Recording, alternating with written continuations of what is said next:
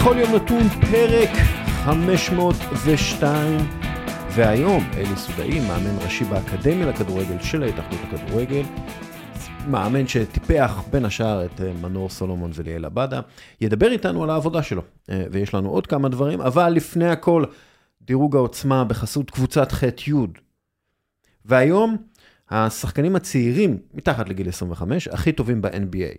אני מסתכל על הנתונים, על סטטיסטיקות, אבל לא רק, אני מחשב את החשיבות שלהם לקבוצה, את הכושר של הקבוצה שלהם ואת התרומה שלהם לכושר הזה, אני מחשב גם את מה שאני חושב עליהם, כן, כן, זה לא אלגוריתמים אובייקטיבי, ויש עוד חישובים כאלו ואחרים, ואלו השחקנים הצעירים הכי טובים ב-NBA כיום. מקום 10, ג'וש גידי.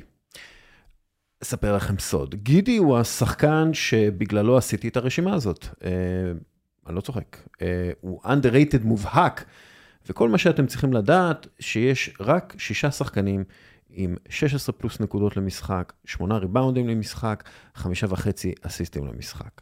השחקנים הללו, העונה, הם ניקולה יוקיץ', לברון ג'יימס, לוקה דונצ'יץ', דומנטאס סאבוניס, סאבוניס, פסקל סיאקם וג'וש גידי. השתכנעתם שהוא אחד מהשחקנים הכי טובים בכדורגל. לא בכדורגל, בכדורסל, ב-NBA, אז ג'וש גידי, אתה ברשימה הזאת, כי אתה הרשימה הזאת. זהו, עד כאן שיר האהבה שלי לג'וש גידי. מקום תשיעי, טרי יאנג. אוקיי, אני לא סגור על זה שהוא אחד מהעשרת הטובים ביותר עד גיל 25, האמת. אבל הנתונים שלו מדברים בעד עצמם. ואם נגיד הוא היה קולע יעיל יותר העונה, ייתכן שהוא היה שחקן של 30 נקודות למשחק ועשרה אסיסטים למשחק. העניין הוא שאני גם לא סגור על זה שהוא שחקן ש... שיכול להוביל קבוצה בליגה, והייתי יכול לשים גם את למלו בול במקומו. אבל למלו בול, העונה הוא בסוג של, הוא נוהג בטנק של שרלוט, הוא לא משחק הרבה. פצוע כל הזמן, אה, ולכן הוא לא ברשימה בכלל. מקום שמיני, דריוס גרלנד. אה, גרלנד הוא אחד השחקנים שאני יותר נהנה לצפות בהם משחקים. הוא מכדרר מעולה, הכל סמוב איתו, הכל חלק, אני, אני ממש אוהב לראות אותו, אותו משחק, מוסר מצוין, קלה, יעיל יחסית וגם ווינר, זה ה... רואים את זה במשחק שלו, אני מת על זה. מקום שביעי, אנטוני אדוארדס, השמאל פורוורד של מינסוטה הוא שחקן הגנה מעולה כשהוא רוצה, הוא בעל פוטנציאל להיות קלה מצוין, והחדירות שלו לסל פשוט מפחידות. הוא עדיין נכבה הרבה יותר מדי פעמים במהלך משחקים, והוא לא יעיל כל כך, אבל יכול להיות שזה באמת קשור פחות אליו ויותר לסביבה שלו. אני מאמין ש... הוא מקום שביעי כשהוא לא בשיאו, נגיד את זה ככה, וזה מאוד מרשים. מקום שישי, זיין וויליאמסון. עכשיו, אוקיי, בלי הפציעות, ייתכן שהוא היה מתחרה על המקום הראשון, אבל מה לעשות, הוא תמיד נפצע. אה, ועדיין אה, קשה לסמוך עליו אה, שיישאר על המגרש. הוא גם לא בדיוק שחקן הגנה הכי טוב בעולם, לא, לא רואה איך הוא הופך לשחקן ההגנה של השנה, אבל ייתכן שהוא יהיה השחקן הראשון שקולע 30 נקודות למשחק ב-60% מהשדה למשך עונה שלמה, אני רואה את זה קורה. אה, הוא פשוט עד כדי כך טוב. מקום חמישי, טייריז הליברטון. טייריז הליברטון הוא קריס פול גבוה יותר. פשוט הרכז המושלם, מוסר מצוין, חוטף מצוין, קלע יעיל, מנהיג, אני מת עליו ואני מת על הסגנון שלו. מקום רביעי, ג'ה מורנט, תחרות קשה על המקום השלישי, הייתי אומר, והוא לעתים לגמרי בטופ 2 אפילו. הוא בן 23 והוא כבר עכשיו כנראה השחקן הגדול בכל הזמנים של הגריזליז. אה, בטח לא ראו משהו כמוהו שם אה, בעבר. עדיין יש לו הרבה איפה להשתפר. הוא יכול להיות קלה יעיל יותר, לקלוע טוב יותר מהעונשין וגם לאבד פחות כדורים, אבל באמת אחד מהשחקנים הכי טובים בליגה העונה, ולכן הוא גם אחד מהשחקנים הצעירים הכי טובים מהעונה. מקום שלישי, שי גילגס אלכסנדר. כרגע SGA עם ממוצעים של 30 נקודות וחמישה אסיסטים, בלוק אחד וחטיפה אחת. כמה שחקנים סיימו עונה שלמה עם הממוצעים האלה? מייקל ג'ורדן ולברון ג'יימס. זה בעיניי מלמד על הפוטנציאל העצום שלו וגם של OKC, כי בואו לא נשכח את ג'וש גידי, אמ, אי שם, מהמקום העשירי. מקום שני, ג'ייסון טייטום, אה, שחקן של 30 נקודות במשחק, 30 נקודות יעילות במשחק, כמעט 8 ריבאונדים במשחק, כמעט 5 אסיסטים במשחק, הוא חוטף, הוא נותן בלוקים, הוא באמת קלע יעיל בצורה בלתי רגילה, וכרגע הוא top 3 במרוץ ל-MVP. כבר עכשיו הוא השחקן של הסלטיקס עם הכי הרבה משחקים בקריירה של 50 נקודות או יותר, ולסלטיקס היו כמה אה, מגדולי השחקנים בכל הזמנים, אז זה שם אותו בפרופורציות, והפרופורציות שלו הן גבוהות. אפשר להגיד את זה בכלל? אני לא, לא יודע אם אפשר להגיד את זה. בוא נגיד הפרופורציות שלו אחלה פרופורציות. ומקום ראשון, לוקה דונצ'יץ', בן 23, אני לא חושב שצריך להסביר את זה. בגדול, השחקן הראשון מאז מייקל ג'ורדן, שרושם ממוצע של 40 נקודות על פני עשרה משחקים, ג'ורדן עשה את זה ב-1986, וזהו. כמו כן, אה, לוקה הוא השחקן הראשון בהיסטוריה שרושם עשרה משחקים רצופים, או יותר, של 40 נקודות, עשרה ריבאונדים ושמונה אסיסטים. ייתכן מאוד שהוא לא רק השחקן הצעיר הכי טוב, הוא פשוט השחקן הכי טוב בליגה. אה, אני מת עליו, אני ממש רוצה שדאלאס תשתפר איכשהו סביבו. תביאו לו מישהו, תנו לו עזרה. אה, לוקה, הוא השחקן הצעיר הכי טוב ב-NBA כרגע ובכלל. עד כאן דירוג העוצמה בחסות קבוצת ח'-י' שהיא יבואנית אולד של LG, הטלוויזיה הטובה בעולם. כשצופים בכדורגל, עדיף שזה יהיה כמו שצריך, עם מסך אולד של LG, כל פיקסל מואר באופן עצמאי, והשנה יש גם אפליקציית עדכוני ספורט מובנית בטלוויזיה. ועכשיו אנחנו עוברים לאלי סודאי. אלי סודאי הוא מאמן ראשי באקדמיה לכדורגל של ההתאחדות לכדורגל, ומייסד בית ספר לכדורגל בפתח תקווה, ליווה מאות כדורגלנים צעירים, ואימן גם את מנור סולומון. שמעתי סיפור עליך. זה קרה ב-2008 והגעת לאמסטרדם, הגעת למגרשים של האייקס ופשוט צפית באימונים שלהם. למדת כמה שאפשר במשך חודשים, נכון? אמת. כמה, מה, פשוט הגעת לאמס? כאילו, איך זה, איך זה קורה? זה היה אחרי uh, תקופה ארוכה פה שאימנתי במכבי הרצליה, וככה רציתי לפתוח את האופקים שלי עוד. Uh, נסעתי לאוסטרליה, הייתי כמעט שנה באוסטרליה, במלבורן, ומשם לקחתי את כל מה שהרווחתי, ויצרתי את הקשרים שלי uh, כדי להגיע לאמסטרדם ולהיות נוכח באמת באימונים. אז בתקופת ינואר, פברואר, מרץ, אפריל, במשך ארבעה חודשים הייתי ב-2008 באמסטרדם, בתקופה שבה אה, ריצ'רד ויצחה, אה, אירון וינטר, וים יונק, רונלד דבור ופרנק דבור היו מאמנים במחלקות הנוער, ופשוט הייתי מגיע לאימונים, יושב בחוץ, אה, צופה, היה לי איזה מחברת שיש לי אותה עד היום, וממלא אותה בתכנים. ואני זוכר שהדבר הראשון שיישמתי כשחזרתי לארץ ואימנתי במכבי הרצליה, זה את השינוי בתפיסה של אימון ללא כדור. זאת אומרת, אה, אתה יודע, במכבי הרצליה בבסיס היה לנו הכל, אבל לא היה את אותם תקציבים שהיו במועדונים הגדולים. אז בכל נושא הגופני, הבנתי שאם אני רוצה שהאימון יהיה יעיל יותר, אה, עשיתי העתק הדבק לכך שאימונים בגילאים הצעירים חייבים להיות עם כדור, גם כשאנחנו עובדים בהיבט הגופני, וככה יישמנו חלק מהדברים. והחבר'ה באייקס הסתכלו ואמרו, מי זה האיש המוזר הזה מחוץ לגדר, או שכאילו, היה איזה אינטראקציה איתם? אז האמת שהגעתי לשם בזכות אישה אחת שקוראים לה סיסקה ברזני, אה, משפחה מאוד אה, מוכרת באמסטרדם בש, בשנים האלה, והיא יצרה לי את הקשר באותו זמן עם אחד ממאמנים מחלקת הנוער, ובאמת בהמשך גם קיבלתי מהם איזשהו תעודה שהם יצרו לי על כל השהות שלי באייקס. אה, פתחו בפניי, אתה יודע, ברגע שהם ראו שיום אחר יום אני מגיע, פתחו בפניי את הדלת לראות אה, אימוני אינדור, אימונים אה, בחוץ, משחקים שהיו לקבוצה. זו הייתה חוויה גדולה. הקושי הגדול שלי היה עם מזג האוויר, אבל... אבל יש לך קצת הולנדית עכשיו? פחות. אבל זאת הייתה תקופה מיוחדת, למדתי המון. מה לומד, אתה יודע, מה לומדים? כאילו, מה הדבר שלומדים? אני חושב שיש דברים מאוד בולטים שם. קודם כל, אני חושב שהמבנה עצמו של אייקס במחלקת נוער, כל מי שהיה שם רואה שהגישה שבין אה, הורים לילדים, למאמנים, היא כמעט ולא קיימת. יצרו איזשהו, אה, איזשהו קפיטריה עם זכוכית למעלה, שרק שם יכולים האנשים לשבת ולצפות באימון. אין אינטראקציה בין ההורים לבין הילדים. כלומר, ההורים לא, לא על ה... על המגרש וצועקים. בטח לא על הגדרות, כי אין אותם. יוראי, יוראי, תן פס. לא, אין דבר כזה. זה לא קיים. אבל אה, אני חושב שהדבר שאני זוכר אותו הכי הרבה, ואפילו יום אחד צילמתי את זה בווידאו, זה היה לראות איך שחקנים משתלטים על כדור, הפס, העצירה, הפס, ה... זה היה את הרעש הזה של הכדור, כל נגיעה, ומזה מאוד התרשמתי, ואמרתי שזה משהו שאני צריך לשפר גם אצלנו בארץ, את האינטנסיביות גם של הטכניקה, לא כן. לא רק את האינטנסיביות. אה, בצד הפיזי. זה, אתה יודע, זה מזכיר לי סיפור, אה, טון קאנן, אתה זוכר שהיה פה כן, אחד כזה? אמ, והוא הגיע למכבי תל אביב, אחרי בית"ר ירושלים, בבית"ר ירושלים הוא הצליח, ואז פיטרו אותו, אני לא יודע, היה שם סיפור עם ארכדי גיידמק, אני לא זוכר בדיוק מה זה היה. והוא הגיע למכבי תל אביב, והוא פשוט היה בהלם מהרמה הטכנית של האימונים. פשוט לא האמין שהרמה כל כך נמוכה. והוא התחיל אימונים של passing כמו ההולנדים. אתה יודע, אתה טק טק טק טק טק, אתה diamond, אתה רונדו, כאילו, כן. והוא ראה שהשחקנים פשוט לא עושים את זה.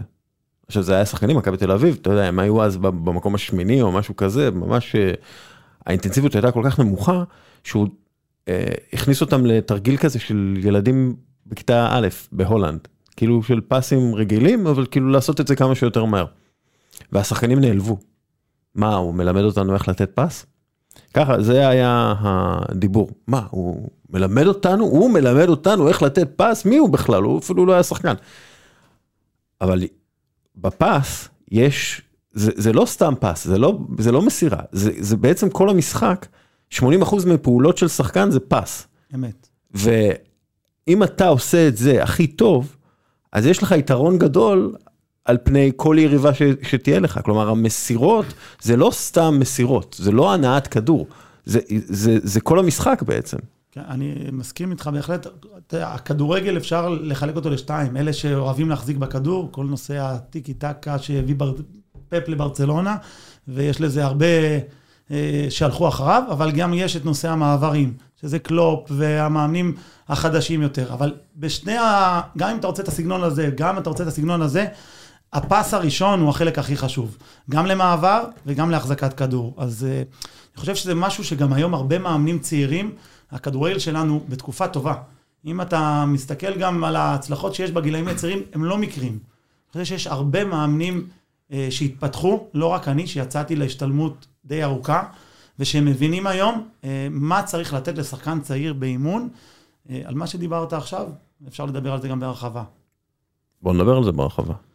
אז כן, אז, אז האימון אה, השתנה. איזה השתלמות, קודם כל, אופנהיים, כאילו? או... אנחנו, לא. למשל, יש איתי צוות מאמנים, אייל גדרון שעוזר מאמן של אופיר חיים בנבחרת הנוער, ועוד מספר מאמנים שיצאנו אנחנו להשתלמות באופנהיים לפני שנתיים, אילי אלמקאי, שנתיים או שלוש שנים, אילי אלמקאי היה שחקן נבחרת הנוער, ובאמת רצינו לראות מקרוב איך עובד שחקן נבחרת נוער במועדון שעף בכמה שנים לטופ של הכדורגל. אז זו הייתה חוויה מאוד מיוחדת, כי הכל נבנה בשביל השחקן. כן. מי זה מבחינת הדרך שבה הילד מתאמן, השחקן מתאמן, אבל גם אנחנו, כמאמנים, אתה לוקח משם דברים שאתה יכול ליישם אותם אחר בארץ. אם זה בעבר שהיית הולך להשתלמויות והיית חוזר, אה, אני זוכר הרבה פעמים שהייתי נתקל במאמנים פסימיים. אה, זה יש בביירן מינכן, זה יש... אבל זה לא נכון. כי בכל מקום שבו אתה נמצא, יש דברים שאתה יכול לקחת אה, ואני חושב שהדור הזה של המאמנים היום, הם באים ממקום של, של צמיחה, שהם רוצים לקבל ידע, אבל גם ליישם אותו אחר כך בארץ. אה, וזה מה שאנחנו עושים היום ברמת האקדמיה. ההתאחדות היום משקיעה המון המון המון כספים בפיתוח שחקנים, מה שלא היה בעבר, אני כ-20 שנה כבר מאמן. אה, אז, אז הגענו לשלב הזה שהשחקן הצעיר הוא החשוב ביותר. אוקיי, זה, זה, זה נכון להתאחדות אולי, זה נכון גם למועדונים? אני, אני חושב שבמועדונים הגדולים זה כבר שם. אה, עבדתי במכבי פתח תקווה, עבדתי בהפועל תל אביב. כי, כי צריך להגיד משהו, סבבה ההתאחדות, סבבה כן, האקדמיה של ההתאחדות, אבל הכל זה במועדונים בסופו של דבר. תראה, בסוף, המועדונים הגדולים, אה, מכבי פתח תקווה, אה, במחלקות נוער בישראל, היא אחת המועדונים הכי גדולים. מכבי תל אביב, אין צורך להרחיב. התקציבים שם זה, זה משהו אחר. הפועל תל אביב, אה, כל התקופה שהיא הייתה עם עומר בוקסה, היא עפה למעלה. אה, מכבי חיפה, כל המועדונים הגדולים מבינים את זה, ויש השקעה מאוד גדולה. איך זה נראה? זה נראה בזה שהיום יש חשיבות לזה שיהיה תזונאי בכל מחלקת נוער, שיהיה פסיכולוג ספורט, שיהיה מאמן מנטלי מעבר לפסיכולוג ספורט, שיחידות האימון יהיו יותר ארוכות במהלך השבוע, לא רק כדורגל, זאת אומרת, יהיה גם יחידות של בנייה גופנית. אה, אנחנו למשל באקדמיה, יש לנו שבע יחידות אימון בארבעה ימים. אה, יורם מנחם, יוסי סולומון ושלומי ודראו, הם אלה שעובדים עם הספורטאים, לא רק בחדר כושר, אלא אינדור אולם, אאוטדור בדשא. הם מבינים את כל הנושא האתלטי, פיזי, לתוך עולם הכדורגל. ובכל המועדונים שאני עבדתי, הרגשתי את זה עם השנים מתפתח. גם במכבי פתח תקווה, גם בהפועל תל אביב, עבדתי בשניהם. מה... עמדו הרבה דברים. מבחינת המאמנים, כי זה כן. נראה לי שהסיפור זה השינוי אצל המאמנים. אני מסכים. מה היה בדור ההוא שעכשיו. מה גרם לשינוי מהדור הישן יותר, המבוגר יותר, לדור הנוכחי? על מה זה יושב? ממה זה אני הגיע? חושב שצריך לשלב, כי קודם כל, אם אני מציין אה, את ליאור רדלר, מנהל מקצועי שעבדתי תחתיו, אז הוא היה סופר מודרני, והוא אה, כל הזמן היה חיובי ו, וראה את פיתוח השחקן לנגד עיניו. אבל היו עדר, מקרים אה, בעבר- שמענו כבר כמה פעמים. כן, אבל היו מקרים בעבר גם שנאלצת כמאמן, תחת איזושהי מטריה שהיא מעליך מאוד גבוהה, אה, לנסות לשנות אה, סגנון חשיבה של מועדון. לא רק שלך כמאמן, אלא של מועדון שחושב בצורה מאוד מצומצמת, אם זה מאמן אחד על 24 שחקנים, אם זה אה, שכר מאוד נמוך למאמנים, אם זה חלוקת המגרש, שבו יהיו לפעמים שתיים או שלוש קבוצות על, על שטח אחד, 70 שחקנים, קשה לייצר אימון טוב ועצים. ואני אז מה, יש היום יותר ליאור- ליאור רדלרים? אני, אני חושב שכן, אבל גם... כן, בהחלט- יש, יש יותר אה, רדלרים.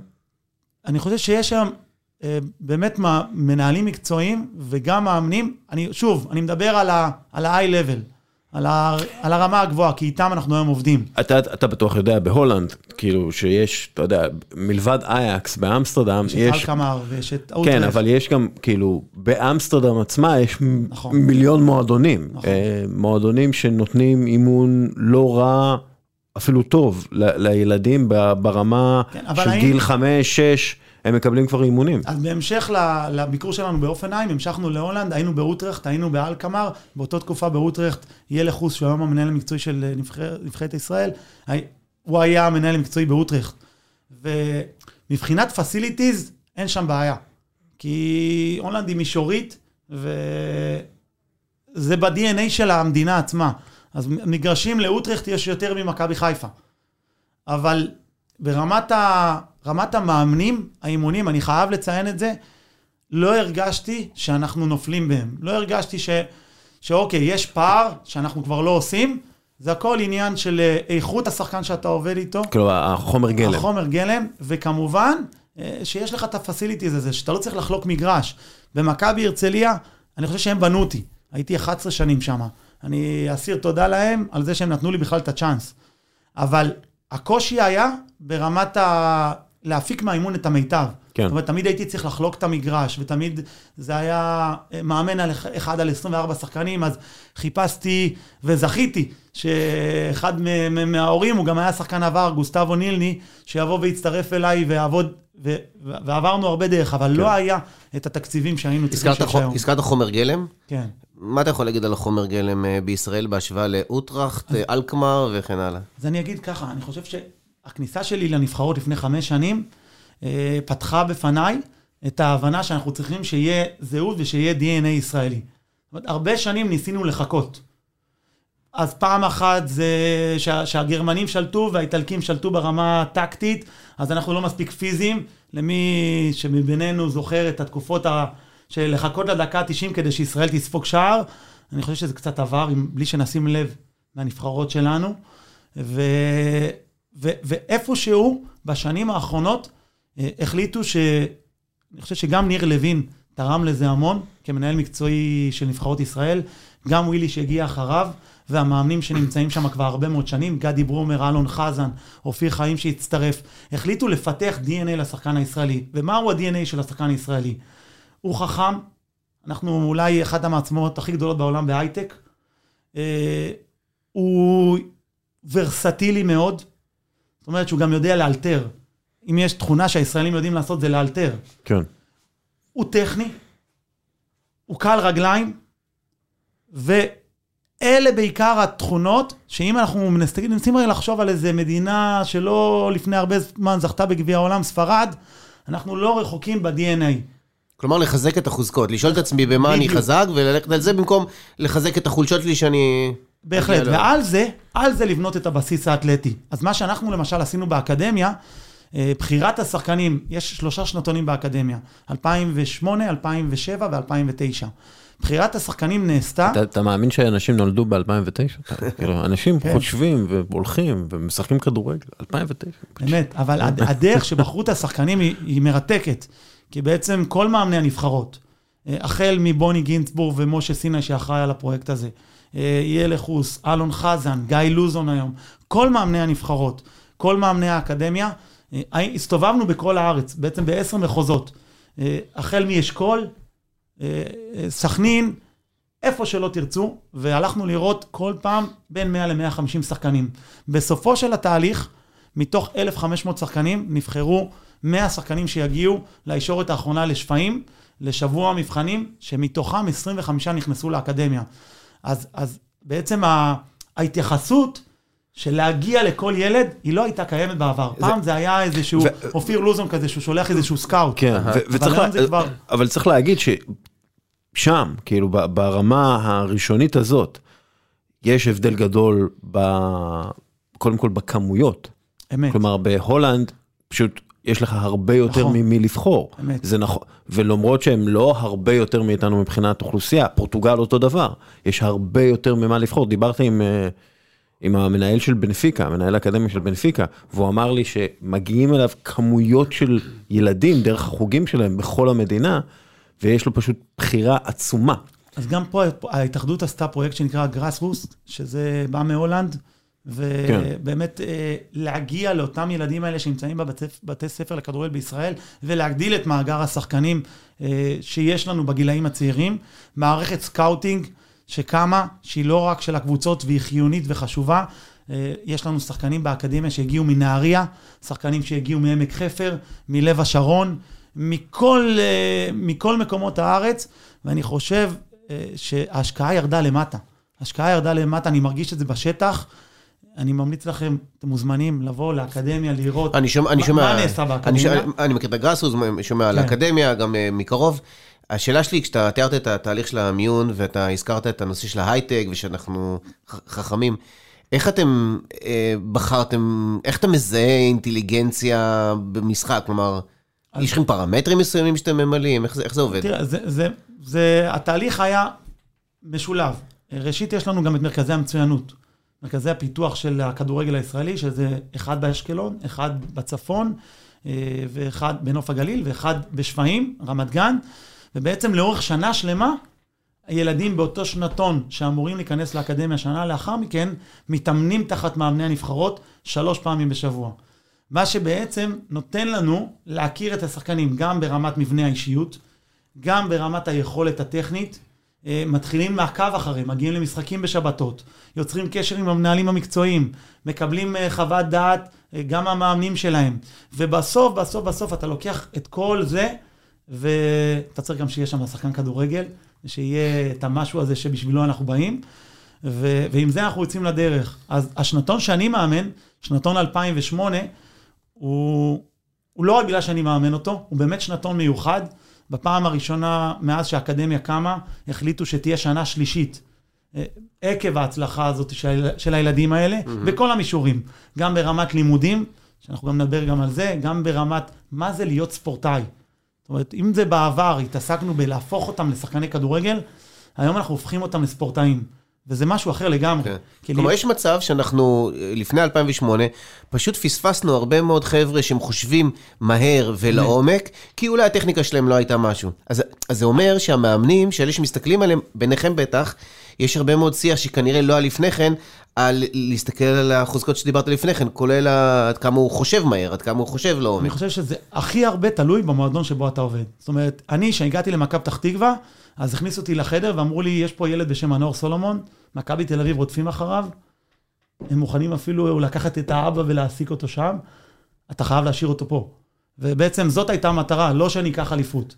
אז, אז אני אומר, לפעמים זה גם המועדון עצמו, אה, בדרך שבה, שבה הוא, הוא, הוא מתייחס לחומר האנושי שיש אצלו. אני בהתחלה באתי כמאמן, אמרתי, אני מאמן. עם הזמן הבנתי שאני חלק ממערכת, שאני חלק כן. יותר קטן מהמערכת. זה, זה, זה למשל עניין מאוד חשוב. כלומר, מה המטרה? מה המטרה של קבוצה מסוימת? מה המטרה של כדורגל מסוים? מה המטרה של ההתאחדות לכדורגל? כן? כי אם המטרה של ההתאחדות לכדורגל היא להפיל למונדיאל, וזאת המטרה וזה הדבר הכי חשוב, אז הם לא ישקיעו ב- במטרה האמיתית של ההתאחדות לכדורגל, שזה פיתוח הכדורגל בישראל, בלי קשר למונדיאל, שזה בונוס נחמד, ולא תגיע אליו אם לא תשקיע בכדורגל.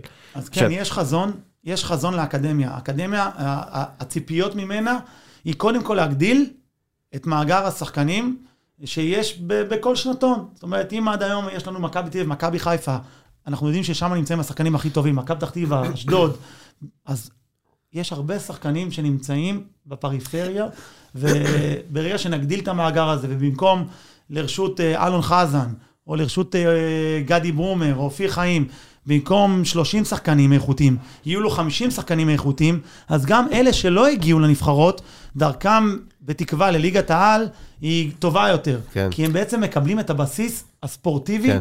שקשה לקבל בקבוצה. יודע, אוריאל, אני, אני שומע אותך, והבאנו את יאלי חוס לכנס של אה, מנהלי אה, איגודים, ו, ואת אלון, ו, ועוד משהו שמאוד בולט, זה שאתם מדברים אותו הדבר. כאילו, יש, אה, אני שומע שפה אחידה, הכוכב הזה שאתם מדברים עליו עם ה-DNA הישראלי, אה, זה לא רק כותרות, אלא זה, פורטים את זה לתכלס. ו- ובכלל, אני חושב, ויצא לי לדבר עם כמה אנשים שקצת לדעתי הם תקועים, אה, הרבה מאוד ביקורת על הכדורגל הישראלי וכו', דברים, אה, באמת דברים קורים ב- ב- בכדורגל הישראלי שלנו. באמת. ו- ומתחילים לראות את זה גם בהצלחות ב- בשנתונים הצעירים, לא רק בתוצאות, אלא גם באיך שמשחקים, ולדעתי הציבור הרחב עדיין בפער, הוא לא, הוא לא קולט אה, את, ה- את, כי, ה- את כי הדברים. הדברים האלה קורים מאחורי הקלעים. אלו לא הדברים שאתה רואה. אמת. אני- שאגב, אלה הדברים החשובים, כן? כן, כן, חשוב לי. מאוד לציין שהיה לנו, אה, אנחנו נמצאים תחת אה, בח- בחור צרפתי, שהוא אחראי על כל נושא האקדמיות של ישראל, צפון אירלנד ופינלנד. אה, בחור בשם ג'ף, שחקן נבחרת צרפת לשעבר, במונ- אי שם במונדיאל 80. שעוד פעם, הוא אחראי על מה? הוא אחראי על פיתוח האקדמיות בישראל, צרפת, אה, ישראל, פינלנד וצפון אירלנד. זאת אומרת, ישראל לפני, לפני שלוש שנים נבחרה על ידי אופ"א להיות אחד מהמרכזים אה, שיהיה בהם אקדמיות. ויחד עם ישראל, כמו מה שרונן עשה בניו זילנד, כזה מין? רונן היה אחראי על פיתוח הכדורגל באוקיאנה, ניו זילנד, אוקיי. זה נושא אחר. זה אדלד, נכון? אה, ג'ף רנה אדלד. אני, כן. כן. וג'ף בעצם, אז הוא ממוקד באקדמיות הוא עצמן. במקום- והוא הגיע אלינו לשבוע כדי לראות באמת איך אנחנו עובדים. והוא הוציא דוח, הוא הוציא דוח לראשי ההתאחדות, שמכל המקומות שבהם הוא היה, זאת הרמה הכי גבוהה שהוא ראה, אה, אם זה בסדר וארגון, אם זה בנושא של אינטנסיביות באימון, אם זה ברמה, רמת היכולת הטכנית, אם זה שיתוף הפעולה שיש בין אנשים, כי אני חושב שבסוף, בסוף, בסוף, זה האנשים. בסוף זה אנשים. אם אין לך אנשים בתוך ארגון שרוצים לעבוד ביחד, זה לא משנה מי, מי נמצא בארגון. אנחנו מכירים, הרי מה מבדיל בין קבוצה אחת שזוכה באליפות לקבוצה אחרת שלא? זה לפעמים חדר ההלבשה שלה, זה לפעמים היחסי אנוש בין השחקנים, זה יחסי אנוש בין הצוות. וכשאתה עובד, באקדמיה אנחנו עובדים עם אנשים שבעיניי הם טופ, טופ לבל. יוסי שיפחון שהיה שחקן עבר, והוא, אם צריך לצייר פרופיל של שחקן עבר, איך צריך, איך צריך לעבוד עם ילדים, אז זה יוסי. שניר זה גם דורי, דומה מאמן השיר. ל-DNA שאתה הזכרת, מה שיוסי אמת, הציג. אמת, כי, שחקן כי יש פה חכם, חשיבה שחקן משותפת. זריז, קל תנועה. בדיוק, בדיוק. אה, ישראל צרפתי, שמאמן את 2007, והוא היה אה, מנהל מקצועי בהרבה מועדונים בישראל. אה, יגאל רזניק, שהגיע עם passion כל כך גדול לילדים. גיא אזורי, שעבר הכל בכדורגל, מהבוגרים עד לילדים. אנשים. וזה לא קל, זה לא קל להיות מאמן בטופ של הכדורגל בית"ר ירושלים בתקופת גאידמק, לאמן היום ילדים בגיל 2009, ואתה עדיין צריך להביא את אותה passion, וגיא מצליח לעשות את זה בצורה באמת מעוררת השראה. אידיאלית, איך אמור להיראות פס הייצור של הכדורגלן הישראלי? אני חושב שקודם כל, אה, אנחנו צריכים לדעת על מה אנחנו, על מה אנחנו מסתכלים. לא, כאילו באיזה גיל, באיזה גיל זה מתחיל? באיזה גיל אתה מתחיל לייצר שחקן כדורגל? כי אני אגיד לך משהו.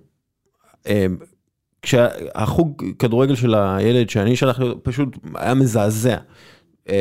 30 אה, ילדים על מאמן אחד שנותן להם לרוץ מסביב למגרש במשך 15 דקות ועושה להם חימום, הם ילדים, הם לא צריכים את זה. זה רע מאוד, נוראי. עדיף שהוא ישחק ברחוב עם החברים. לגמרי, אז זה מה שהילד שלי עושה. זה, אגב, ואני, ואם כאילו אימונים וכאלה, אתה יודע, אני עושה לו לא דברים כן. אה, מסובכים מדי, כאילו, עדיין בן שש. אמ, אבל כאילו, כמוהו, יש עוד, עוד מלא חושב... ילדים שלא אנחנו... מקבלים את המגע הראשוני עם כדורגל נכון ב, ב, ב, בשורשים. צריך לחפש, כי אני, אני יכול להעיד על הבית ספר לכדורגל שלי. יש לי בית ספר לכדורגל עם 250 ילדים, אה, בכל אימון, אימון הוא בין 20 ל-22 שחקנים, יש שלושה מאמנים בכל אימון. אה, יש לנו איזשהו סלוגן שהולך איתנו, לכל ילד יש שם, ובעצם אנחנו, אנחנו אולי הבית ספר לכדורגל היחיד בארץ, שכבר באימון הראשון הילד מקבל חולצה שיש עליו את השם שלו. החשיבה סביב זה הגיעה מכך שמאמן בבית ספר לכדורגל, אסור שהוא, שהוא לא ידע באימון הראשון איך קוראים לילד. כי אם אתה לא תדע איך קוראים לילד, יכול להיות שבאימון השני או השלישי הוא כבר לא ירצה להיות פה. אז זה הדבר הראשון שאנחנו עשינו. הדבר השני שעשינו זה הבאנו שלושה מאמנים, כמו שאתה אומר, זה לא קח כדור ושחק, זה לא רוץ מסביב.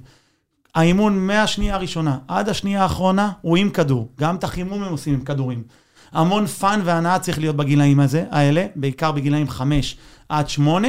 גיל 8 עד 11 כבר מתחילים יותר לעבוד על ההיבט הטכני ולשפר אותו, אבל אני לא בית ספר כדורגל היחיד.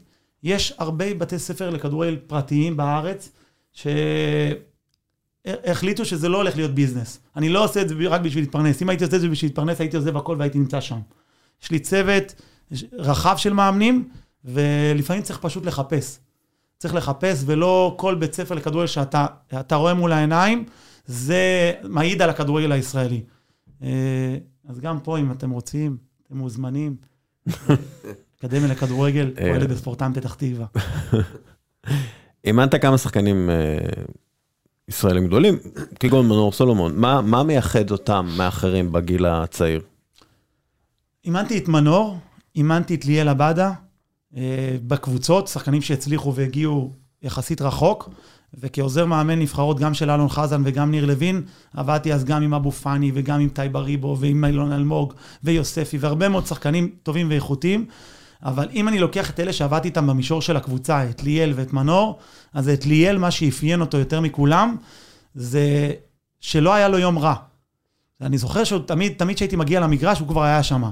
או בחדר כושר, או עושה מתיחות, או מחכה לאימון. אה, אם משחק היה נגמר לא כמו שהוא היה אוהב, אז הוא היה יודע להכניס לעצמו עוד יחידה. המוטיבציה שלו הייתה פנימית, היא לא הייתה תלויה בדבר. וזה, אני חושב, שמשהו שאפיין מאוד את ליאל, והלך איתו, וידענו שיגיע רחוק. אין הרבה כאלה? זה חריג. זה חריג. אנחנו הבאנו אותו לאקדמיה, כדי שירצה לילדים. אה, הכנו לו גם קליפ עליו, ובאמת כדי שהם יבינו שאת זה כל אחד יכול לעשות. כלומר, אתה אומר שהרבה מאוד ילדים הם לא, זה לא מגיע להם מבלי... אוקיי, היה פה אה, תקלה טכנית, אנחנו אה, חוזרים עכשיו. אה, דיברנו על בעצם... הורים. על הורים. אז אני... אני כאילו, דיברנו על ילדים, דיברנו על יעל עבדה וכמה שהוא עובד קשה, ואז ולמה זה כזה חריג, ואז כן. אמרת ש... תראו, קודם כל, חשוב גם לציין שמעבר לפיתוח שיש למאמנים היום, גם ההורים היום משקיעים יותר כספים ממעבר. זאת אומרת, היום כמעט לכל ילד יש עוד יחידת אימון בשבוע אישית. יש לו אולי איזה אנליסט שמנתח לו את, ה, את המשחק בשבת, מה שלפעמים במועדונים הפחות גדולים אפשר לאפשר. אבל ככל שאתה מעורב יותר, ככה אתה גם מצפה שהתוצאה תגיע מהר יותר. ולפעמים זה, ה, זה הקושי ששמים על שחקן צעיר. ושילד לא יודעים לנתב אותו למקום הנכון, אז הוא נתקל בבעיות. זאת אומרת, מה, אני השקעתי את כל כולי כל השבוע, לקחתי גם מאמן אישי, התאמנתי טוב, איך אני לא פותח בשבת, איך אני הוחלפתי. וליאל, אה, גם היה לו את זה, אבל ליאל פשוט ידע איך להיות טיפה מעל זה. ואיך להגיע לאימון ביום ראשון, לא משנה מה קרה ביום שבת, ולהיות הכי טוב באימון ביום ראשון. אה, וזה משהו שאני זוכר עם ליאל, והמשכנו את הקשר הזה גם אחר כך, גם בנבחרות שעבדנו איתו. יש רגע אחד לא יודע אם אתם יודעים, אבל שהוא החמיץ פנדל מכריע בנבחרת אה, הנוער. אבל באותו שבוע, שהוא חזר לקבוצה, למכבי פתח תקווה נגד בית"ר ירושלים, ברבע גמר גביע המדינה, היה פנדל מכריע, והוא החליט שהוא לוקח אותו והוא הבקיע.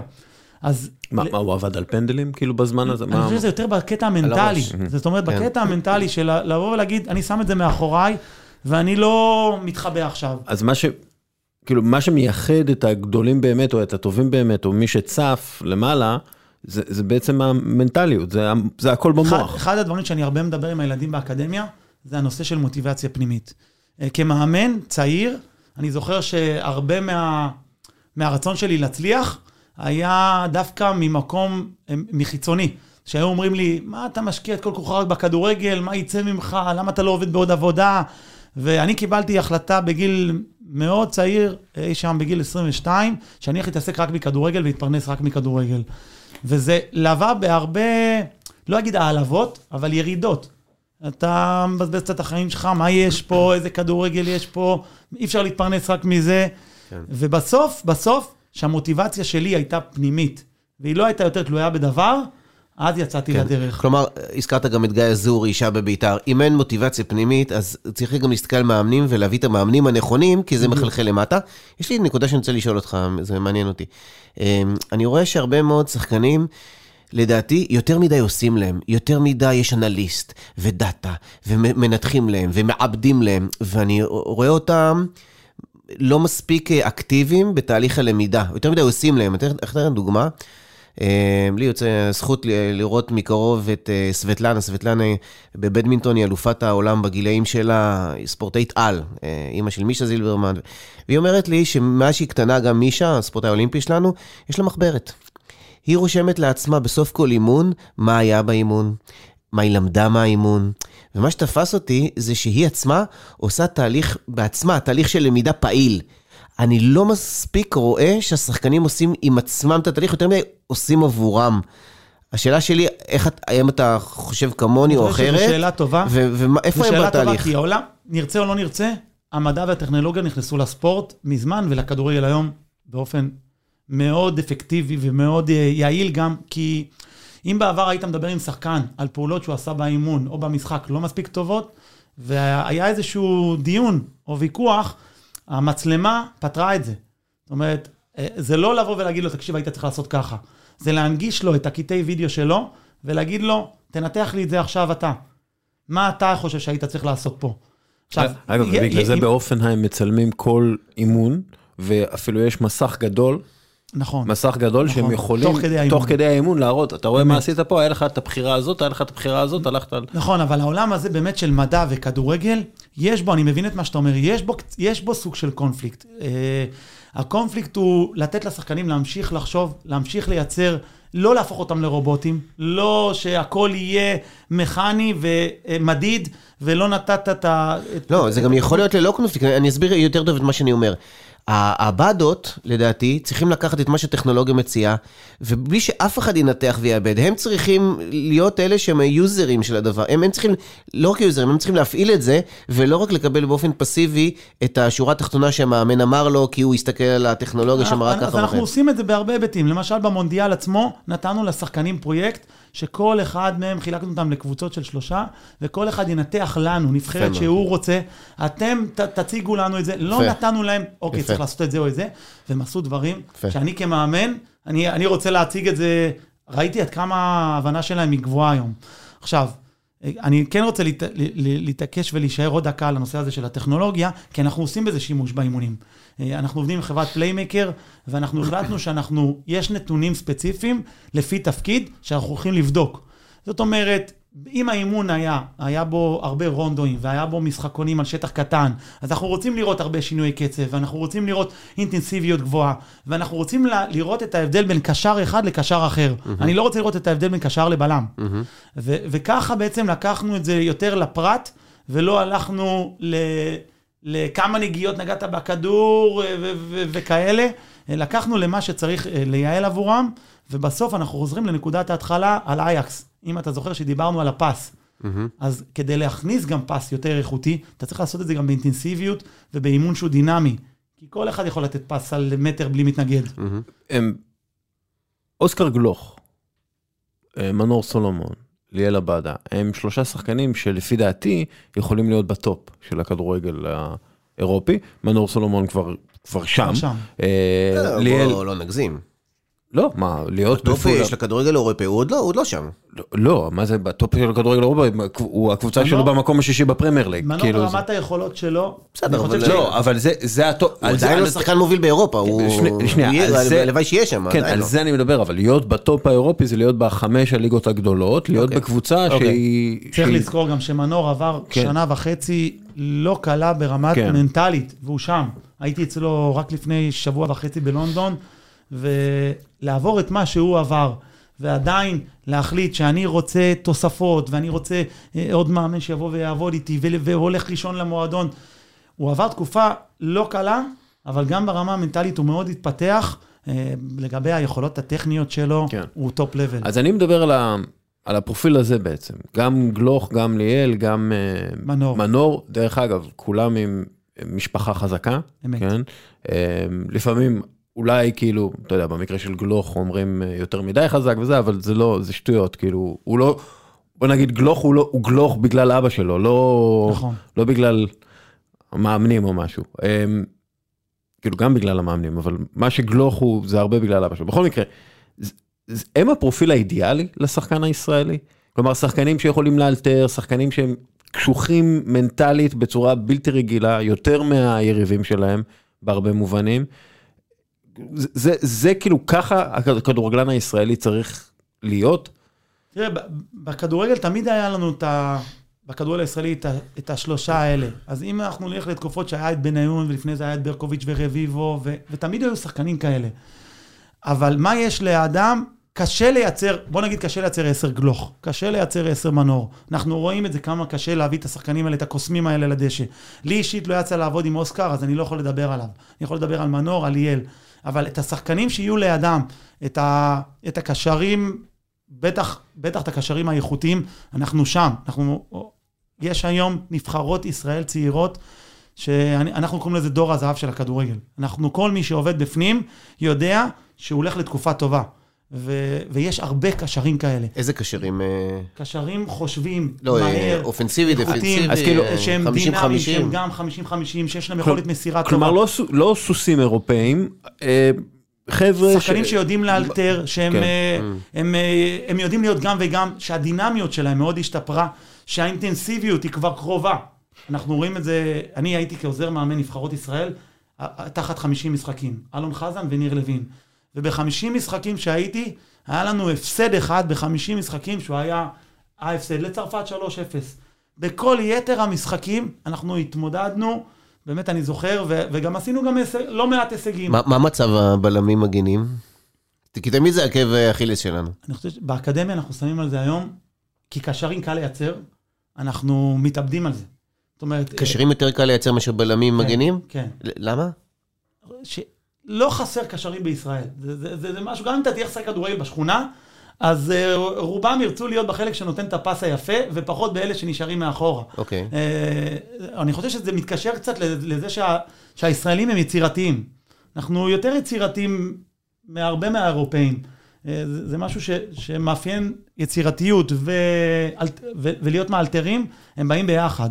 אז קל יותר לייצר קשרים בישראל. אבל לייצר שחקני הגנה, אתה צודק, זאת עבודה סיזיפית, זו עבודה שגם צריך להתמקצות בה. אני יכול להעיד גם על עצמי, שכמה שאני חושב שאני יודע, יש לי עוד הרבה דרך לעבור, כדי להפוך להיות מאמן הגנה נטו. של ללמד את, את השחקנים את מה שהם לומדים אותם בחו"ל, ואנחנו עובדים על זה. אה, באקדמיה יש לנו את האפשרות לעשות מה שאין בקבוצות. ואם תרצו לדבר יותר בהרחבה על האקדמיה, אז אתם תבינו באמת מה נעשה. בבקשה. זה, כן, פודקאסט.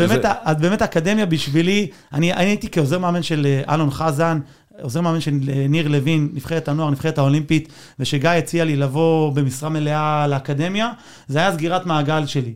אה, התחלתי כמאמן שרצה להתעסק בפיתוח, הגעתי למשחקים שהם, אתה יודע, המשחק בנבחרת זה כמו חתונה. כל האירוע סביב המשחק, אבל כשהוא נגמר, כל האנרגיה יורדת. והעבודה באקדמיה היא שונה לגמרי, היא פיתוח נטו. היא פיתוח נטו לא רק כדורגל. יש לנו הזדמנות לשנות את ה... כל החשיבה על, על מה, אתה- מה אתה חושב על שחקן כדורגל. שהוא יבוא לרעיון, ושאתה תראיין אותו, יהיה לך, אתה תרצה שהוא יישאר. ואתה תרצה להמשיך שהוא יבוא עוד פעם, אתה תרצה לדעת עליו יותר. ואיך זה בא לידי ביטוי? קודם כל, מאמני האקדמיה עובדים במשרה מלאה, מגיעים בשעה 8-9 בבוקר, לפעמים גם לפני, ויוצאים ב-8 בערב הביתה. אנחנו נמצאים איתם יום שלם. הילדים עזבו את הבית, ומראשון עד חמישי הם גרים במבואות ים. אה, וחשוב לציין גם שאשר קאסו מנהל אה, מבואות ים, הוא איש שבא מספורט. הוא יושב ראש כדורעף בישראל, והוא יחד עם שינו, שנכנס לתפקיד לפני מספר שנים ואחר כך יצא, החליטו ששם תקום האקדמיה. אז אה, ערכים, בית ספר, לימודים, ניקיונות מטבח, כל מה שהם לא עושים היום בבית. הילדים שלי מנקים את המטבח פעמיים בשבוע אם צריך. לא רק את המטבח, אלא גם את החדרים שלהם בכוחות עצמם. הם קמים, יש להם לו"ז מאוד צפוף, מ-6 וחצי בבוקר עד הערב. אנחנו נפגשים עם המורים שלהם בבתי ספר, אנחנו נכנסים אליהם לכיתות. יש עובד סוציאלי שמטפל בבעיות, יש פסיכולוג ספורט, יש את ז'אן טלסניקוב שנמצא שם אה, למען הפיתוח שלהם, והחלק האחרון... כמנטור כאילו? כן, כן. והחלק האחרון, שבלי זה אתה לא יכול להיות ספורטאי, זה שינה ותזונה. משהו שאתה לא יכול לפקח עליו, שאתה מאמן בקבוצה, אתה יכול לדבר עליו, אתה לא באמת יכול לפקח עליו.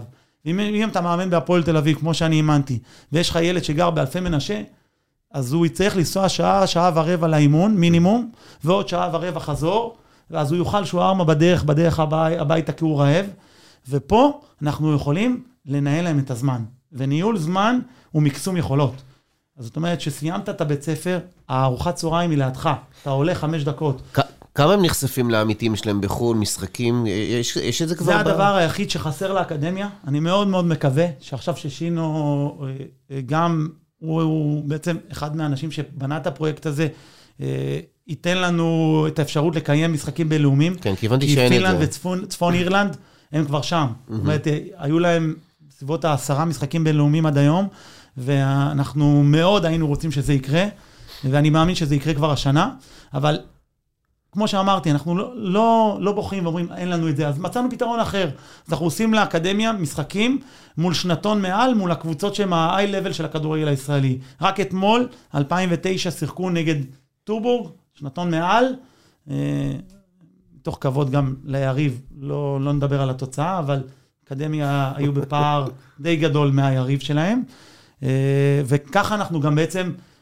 יש לנו איזושהי יכולת לבדוק אותם, האם אנחנו בתהליך נכון. לנו יש משחק בעוד שבועיים מול מכבי חיפה על פועל 2007. אז, אז זה הדרך שלנו להתמודד עם זה שאין משחקים בינלאומיים. אה, זה עניין תקציבי, נכון? עניין תקציבי, אבל ההתאחדות כן משקיעה.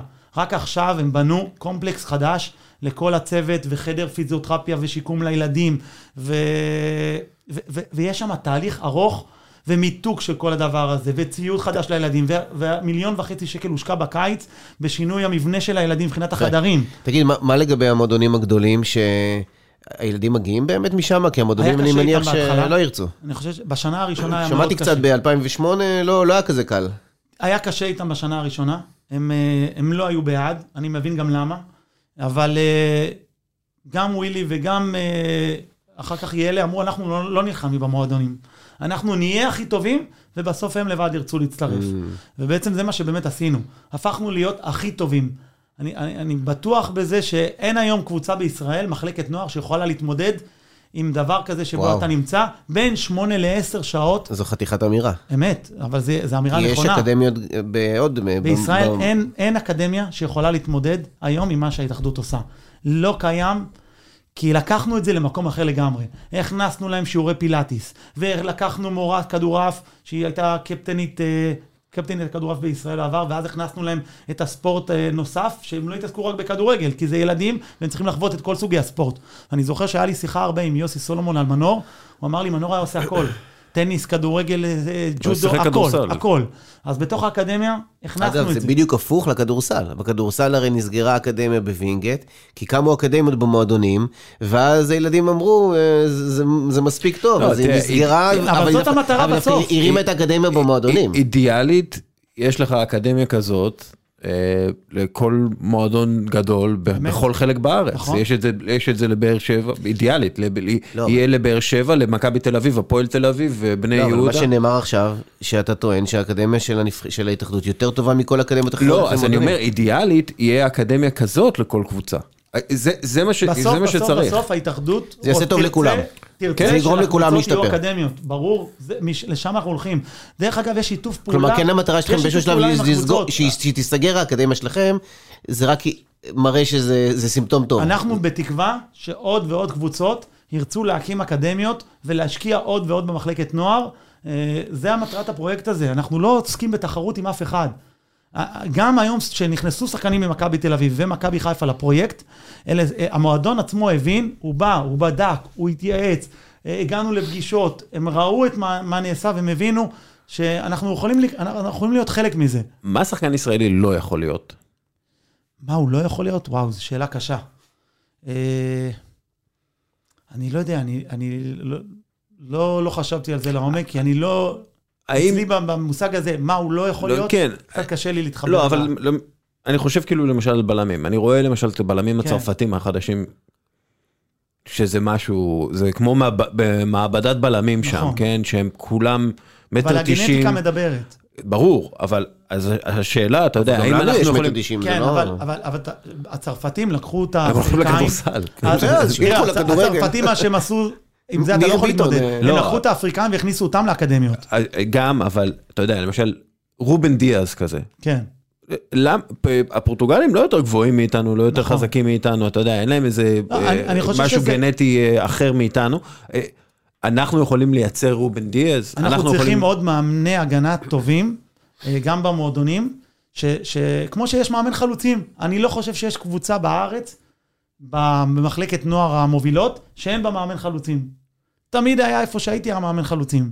אבל יכול להיות שאנחנו צריכים גם מאמני הגנה ספציפיים, שזה ההתמקצות שלהם, זה המומחיות שלהם, לשלוח אותם להשתלמויות בחו"ל בדיוק בתחום הזה, לחפש את ה-DNA של שאנחנו- השחקן הישראלי בתחום הזה, כמו שאמרת, על רובין דיאז, ולא ללכת לצרפת. ואם... אני, אני, אני, אני אעבור רגע שנייה, וזה חשוב, היינו בהשתלמות באתלטיקו מדריד. ובאתלטיקו אמרו לנו דבר מאוד יפה, אצלנו מאמן הילדים לא רוצה להיות מאמן נוער. הוא לא רוצה להיות מאמן בוגרים. אנחנו משקיעים בו את כל הידע, וגם נותנים לו את השכר אה, ההוגן, בשביל שהוא יהיה הטוב ביותר בשביל להיות אימון לילדים. ילדים. כן. עכשיו, רוב המאמנים בישראל, אני חושב שאנחנו גם ככה, זה ה-DNA שלנו. אנחנו רוצים להיות כל הזמן הכי טובים. אנחנו בגלל זה גם מח- מח- מחליפים בחירות כל שנה, ומ- וממשלות. אבל בסוף, כל אחד פה, הוא חושב שאם הוא יהיה מאמן נוער, או אם הוא יהיה מאמן בוגרים, אז הוא, הוא הגיע לסיפוק של עצמו. אני עברתי תהליך הפוך. אני חלמתי להיות מאמן מכבי חיפה בוגרים, כילד אוהד מעריץ של מכבי חיפה, 93-94, שפיגל, ברקוביץ', ראובן עטר, קנדאורוב, אולי הקבוצה הכי גדולה בכדורגל הישראלי. וחלמתי כילד. וכשהגעתי לנבחרות ישראל, ושעבדתי גם בנבחרת הנוער וגם בנבחרת הצעירה, ו- והגיעה האפשרות לעסוק באמת בפיתוח, לא בלאמן קבוצה ובסוף יש משחק בשבת, אלא לעסוק בפיתוח, לא חשבתי פעמיים, ו- והבנתי שזה עושה לי טוב. כן. אה, אני רוצה להגיד מילה על מה שאמרת על ההגנה. אולי אנחנו צריכים להגדיר מחדש מה זה הגנה, כשאתה מסתכל על ה-DNA הישראלי. כי לפי ה-DNA הישראלי שאתה אמרת, אנחנו צריכים להיות אלה שנותנים את הטון, אלה שלוחצים, ואז ההגנה היא לא הגנה מתגוננת. פסיבית. היא לא הגנה אסיבית. יפה. עכשיו, אני כל הזמן אומר, בלי להיכנס יותר מדי, אבל אני אף פעם לא מצליח להבין את זה, בלם שיש לו את היכולות המתאימות, הרבה פעמים קורה שהבלם נכנס פנימה, ופתאום יש כזה... עלית על זה מהר. כן, פתאום יש כזה, אמרת? כן, פתאום יש כזה, יש, יש מין כזה מין מסדרון, והוא עולה עד הסוף, ואם יש לו את היכולות המתאימות, הוא גם יכול, אה, בלם, יכול להיות במציאות אתה, שזה משתנה, חלוץ, ומחפים עליו, כלומר, היכולות של הבלם יכולות להיות גם כן מאוד מאוד התקפיות. אמת, ואני חושב שהם מחפשים את זה היום כבר. אם אתה מסתכל על נבחרת הנוער ביורו האחרון, אז אתה תראה שם שתי בלמים שמעבר למשחק ההגנה שלהם, הם היו חלק אינטגרלי מבניית המשחק. והנבחרת הישראלית לא הגיעה במקרה לגמר. אתה ראית לאורך כל הטורניר שהיא משחקת את הכדורגל שאנחנו מדברים עליו היום, ה-DNA הישראלי. גם מול צרפת, עם כל היכולות האתלטיות והפיזיות שלה, הנבחרת הישראלית החזיקה בכדור, אה, שלטה בכדור, וזה מגיע אה, בהחלט דרך בלמים כאלה, גם בנבחרת הצעירה. גילי כהן הוא בלם כזה, שיוצא עם הכדור ויודע להרוויח שטח. גם ניר ביטון הוא כזה. גם ניר ביטון הוא כזה, ו... ואני מסכים, אני רק רוצה להוסיף בהקשר למה שאמרת בתחילת הדברים, חד משמעית זה נכון. אחת מהדרכים היום לפתור בעיות של, אה, בעיות הגנתיות של אחד על אחד בעבר, היא דרך היכולת הקבוצתית. אתה רואה גם בקמפיין האחרון אצל אלון חזן, 11 שחקנים מחויבים למשחק הגנה. זה מתחיל מהחלוץ, שזה אם זה תאי בריבו או וייסמן, דרך כל מי שמשחק בצדדים ועד אחרון השחקנים. ועל ידי כך, וברגע שאתה אתה מייצר קבוצה שמחויבת למשחק הגנה, אתה פחות נחשף לבעיות שיכולים להיות לך אה, בעמדות אה, ספציפיות. אנחנו, אנחנו לקראת סיום לצערי, אבל כאילו מה, מה הבעיות המרכזיות של השחקן הישראלי וכמה הן קשורות לבעיות, אתה יודע, במערכת של הכדורגל הישראלי? אז... אני לא מדבר על ההתאחדות, אני מדבר בכלל על האקלים של הכדורגל הישראלי. ו... אז כן, לצד, לצד מאמנים ש... תראו, הכדורגל צריך להשתנות ממוטיבציה אישית של בן אדם, מאמנים כאלה צעירים שנוסעים לחו"ל ולהשתלמויות ורוצים לפתח את עצמם, ל- ל- לרדת לעוד רבד, שזה יבוא ברמת הקבוצות לאותם מאמנים. זאת אומרת שהמאמנים אה, יתוגמלו על ידי פיתוח. ולא על ידי ניצחון בשבת. אני חושב שהיה איזה ניסיון בעבר במכבי תל אביב, לצאת לאיזשהו פרויקט שבו אם שחקן כזה או כזה יגיע לבוגרים, אז לפי השנים שעבדת כן. עם השחקן, אתה תתוגמל. שניר היה שם? אה, או... שניר היה שם, ו... ו... ומכבי תל אביב התחילה את זה, וזה נעצר. אני חושב שנושא של מגרשים, היום כמות הילדים היום שנמצאים בקבוצות היא יותר גדולה מבעבר, יש יותר ילדים שמשחקים כדורגל, ו... ואסור לנו שבגילאים הצעירים יקרה כמו שאתה מספר, שבו מאמן אחד נמצא על 30 שחקנים. מעבר להתאחדות זה צריך כבר להגיע גם לקבוצות, וה, והדבר הכי חשוב זה כמה שיותר לצבור ידע. זאת אומרת, בלי מקצועיות ולדעת מה אתה בעצם אמור לעשות.